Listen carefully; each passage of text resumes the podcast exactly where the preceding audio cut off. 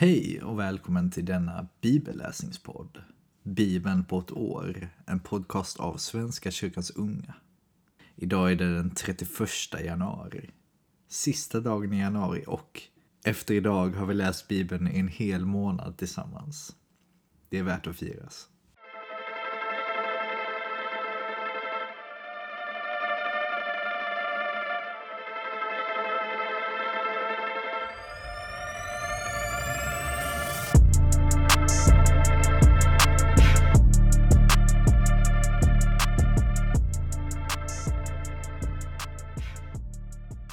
Vi ber tillsammans. Tack Gud för januari. Tack för att du var med oss varje dag. Även om vi inte alltid kände det. Tack för att du tar hand om oss. Och väcker oss varje morgon. Jag ber för februari. Att du ska vara med oss där. Och leda oss. På dina vägar. Var med i dagens bibelläsning. I Jesu namn, Amen. Vi börjar i Andra Mosebok kapitel 12, vers 14 till kapitel 13, vers 16. Och Herren pratade igår om hur de ska stryka blodet på dörrkarmen och hur Herren ska gå förbi. Den dagen ska vara en minnesdag för er. Ni ska fira den som en Herrens högtid. I släkte efter släkte ska det vara en oföränderlig ordning att ni firar den. I sju dagar ska ni äta osyrat bröd. Redan den första dagen ska ni skaffa bort all surdeg ur era hus. Ty var och en som äter något syrat bröd från den första till den sjunde dagen ska utstötas ur Israel. Den första dagen ska ni hålla en helig sammankomst, liksom också den sjunde dagen. Inget arbete får utföras under de dagarna, utom det som är nödvändigt för att alla ska få äta. Endast detta får göras. Ni ska fira det osyrade brödets högtid, därför att det var just den dagen som jag förde era herrar ut ur Egypten. I släkte efter släkte ska det vara en oföränderlig ordning att ni firar denna dag. Från kvällen den fjortonde dagen i första månaden till kvällen den tjugoförsta dagen ska ni äta osyrat bröd. Under sju dagar får ingen surdeg finnas i era hus. Ty var och en som äter syrat bröd ska utstötas ur Israels menighet, vare sig han är invandrare eller infödd. Syrat bröd ska ni inte äta, var ni än bor ska ni äta osyrat bröd. Mose kallade samman alla de äldste i Israel och sade Gå och hämta varsitt lamm åt era familjer och slakta det som påskoffer. Tag sedan en knippa isop och doppa den i skålen med blodet och stryk lite av blodet på tvärbjälken och de båda dörrposterna. Ingen av er får gå ut genom dörren i sitt hus innan det blir morgon. Herren ska gå fram genom landet och hemsöka egyptierna. Men när han ser blodet på tvärbjälken och de båda dörrposterna ska han gå förbi dörren och inte låta förgöraren gå in i era hus för att döda er. Dessa regler ska gälla för er och era barn i all framtid. När ni kommer till det land som Herren har lovat att skänka er ska ni hålla fast vid detta bruk. Och när era barn frågar er, vad betyder detta bruk? Ska ni svara, det är ett påskoffer åt Herren. När han dödade egyptierna gick han förbi israeliternas hus och skonade våra hem. Då föll folket ner och tillbad. Sedan gick israeliterna och gjorde allt det som Herren hade befallt Mose och Aron. Vid midnatt dräpte Herren alla förstfödda i Egypten.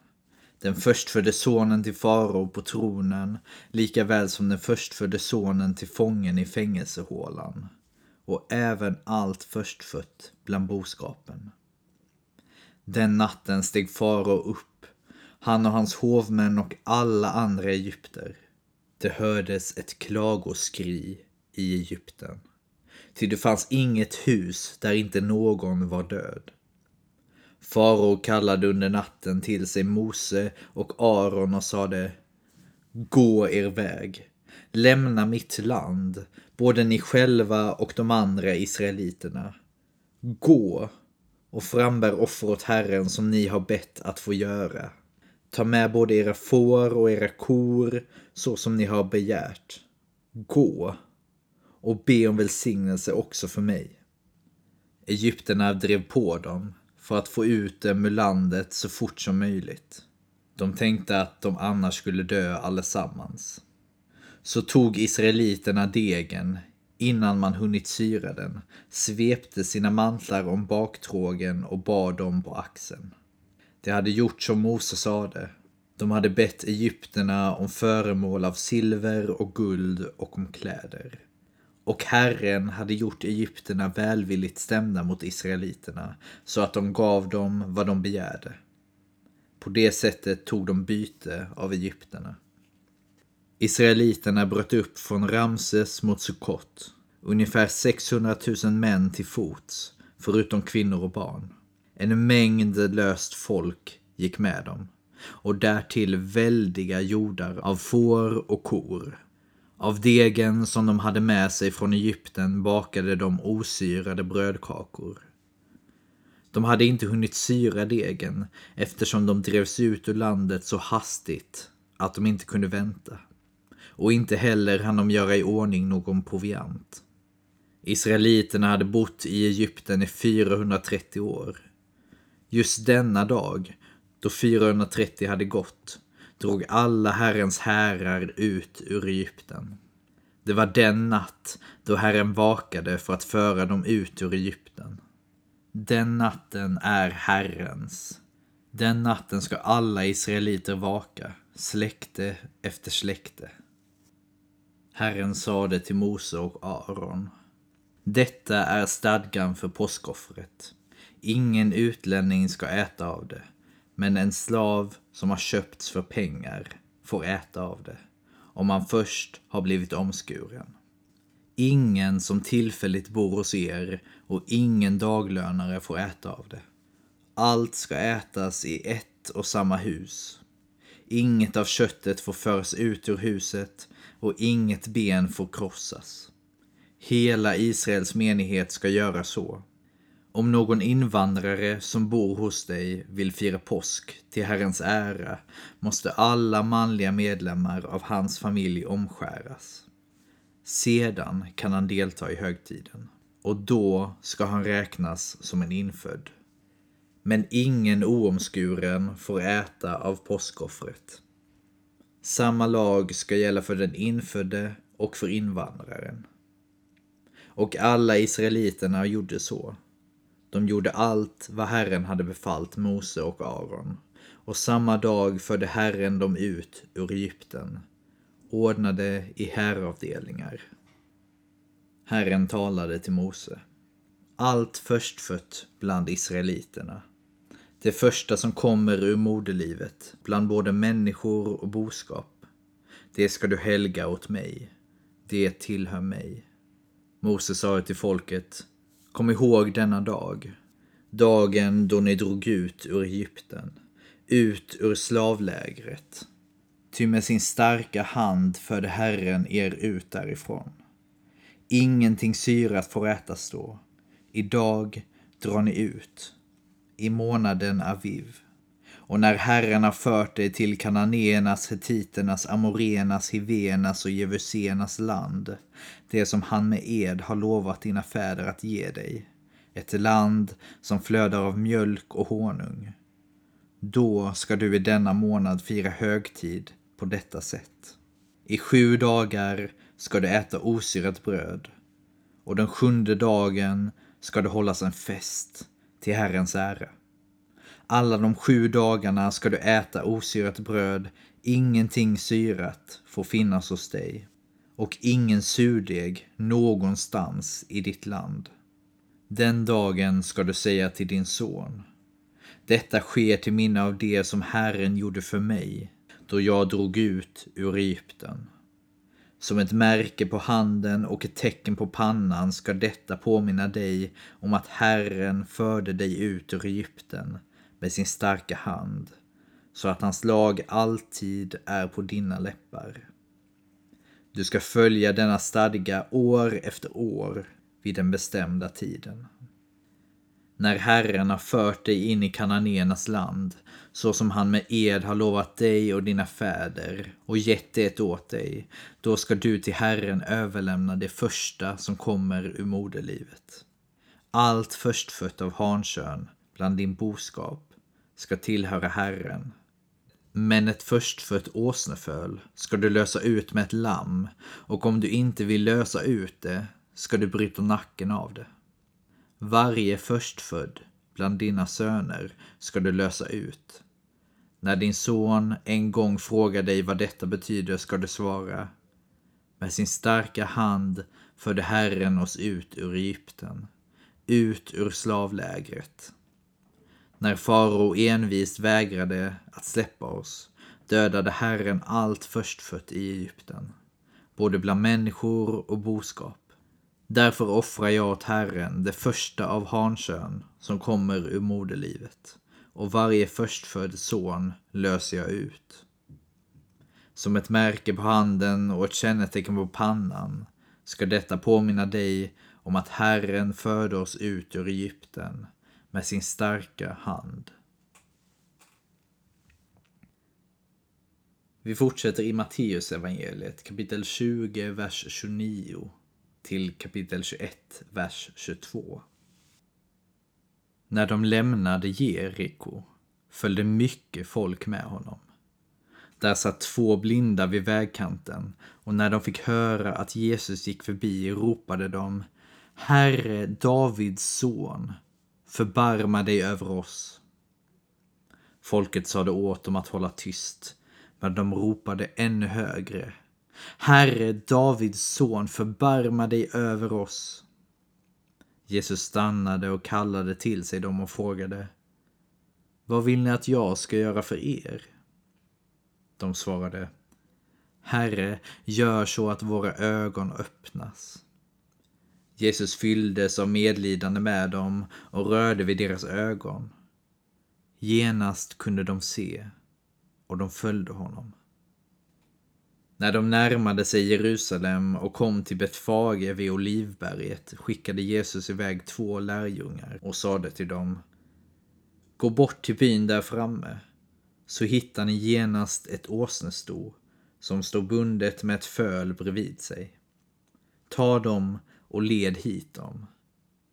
Om någon säger något ska ni svara Herren behöver dem, men han ska strax skicka tillbaka dem. Detta hände för att det som sagts genom profeten skulle uppfyllas.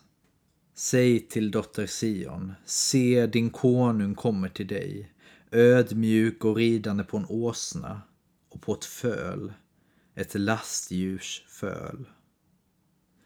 Lärjungarna gick bort och gjorde så som Jesus hade sagt åt dem. De hämtade åsnan och fölet och lade sina mantlar på dem, och han satt upp. Många i folkmassan bredde ut sina mantlar på vägen, andra skar kvistar från träden och strödde dem på vägen. Och folket, både de som gick före och de som följde efter, ropade Hosianna, Davids son. Välsignad är han som kommer i Herrens namn. Hosianna i höjden. När han drog in i Jerusalem blev det stor uppståndelse i hela staden och man frågade Vem är han? Och folket svarade Det är profeten Jesus från Nasaret i Galileen. Jesus gick till templet och drev ut alla som sålde och köpte där. Han välte omkring borden för de som växlade pengar och stolarna för de som sålde duvor. Och han sade till dem Det står skrivet Mitt hus ska kallas ett bönens hus men ni gör det till ett rövarnäste. Blinda och lytta kom fram till honom i templet och han botade dem. När översteprästerna och de skriftlärda såg allt det märkliga han gjorde och hörde hur barnen ropade i templet Hosianna, Davids son, blev de förargade och sade till honom Hör du vad de säger? Jesus svarade Ja, har ni aldrig läst orden Barn och spädbarns rop har du gjort till en lovsång åt dig? Sedan lämnade han dem och gick ut ur staden till Betania och stannade där över natten. När han tidigt på morgonen var på väg tillbaka till staden blev han hungrig. Han fick se ett fikonträd vid vägen och gick fram till det men hittade ingenting annat på det än blad. Då sade han till det Aldrig någonsin ska du bära frukt. Och med en gång vissnade trädet. Lärjungarna häpnade och sade Hur kunde fikonträdet vissna så tvärt? Jesus svarade Sannerligen, om ni har tro och inte tvivlar kan ni göra detta med fikonträdet och mer än så. De kan säga till berget här, upp och kasta dig i havet. Och det ska ske. Allt vad ni ber om i era böner ska ni få om ni tror. Det kan bli svårt det här med att säga att allt vad ni ber om i era böner ska ni få om ni tror för att för att det blir ju inte riktigt så eller jag tänker att det är, klar, det är klart att Gud lyssnar men jag tror ändå att det är för jag tänker att på samma sätt som att den heliga anden hjälper oss att få någon insikt eller vad man ska säga när vi läser i Bibeln. Så tror jag att den heliga ande hjälper oss att be. Som det står i Romarbrevet som vi kommer läsa senare i år. Och jag tror att, jag tror inte vi kommer få allt vi ber om för att allt vi ber om är inte av gott. Och är inte vad vi behöver. Jag tänker absolut att vi kan be om allting. Men jag tror ändå den heliga anden liksom översätter det våra hjärtan verkligen vill och känner till Gud. Och sen från Gud så kan jag få ett ja eller nej, eller kanske. För Gud vet ändå vad som är bäst för oss. Och det får vi lita på, tänker jag. Även om det kan bli svårt. Det kan kännas svårt. När vi lever i en sån, men ändå trasig värld som vi gör liksom. Då kan det kännas svårt. Men vi kan inte ge upp hoppet, vi måste fortsätta be liksom. Ja. nu svävar jag ut massa. Det var inte meningen. Men eh, intressant i alla fall. Och något som måste diskuteras och pratas om. Mycket av det vi läser om måste ju man ändå fundera och diskutera och prata om, tror jag. Jag tror det är viktigt. Jag tror Gud välsignar prat. Och Gud tål att brottas med. Liksom Gud brottade med Jakob innan. Vi fortsätter i Saltaren, psalm 25, vers 16 22. Vänd dig till mig. Var barmhärtig. Ty jag är ensam och betryckt. Lindra mitt hjärtas plåga. För mig ut ur mitt trångmål. Tänk på mitt lidande och mitt betryck och förlåt mig alla mina synder. Se på mina fiender, så många de är, så hetska i sitt hat. Rädda mitt liv, befria mig, svik mig inte, jag flyr till dig. Låt oskuld och redlighet bevara mig, ty jag hoppas på dig. O Gud, befria Israel från all dess nöd. Och vi avslutar i Ordspråksbokens sjätte kapitel, vers 12 till 15. En ond människa. En illasinnad man talar med kluven tunga blinkar med ögonen, skrapar med foten. gör tecken med fingrarna. Han är falsk i sinnet, smider ränker och vållar ständigt tvister. Därför ska olyckan överraska honom. Han krossas plötsligt och ohjälpligt. Det var allt för idag. Tack för idag. Imorgon är det första februari. Wow. Vi ses då. Ha det fint. Ta hand om er. Hej då.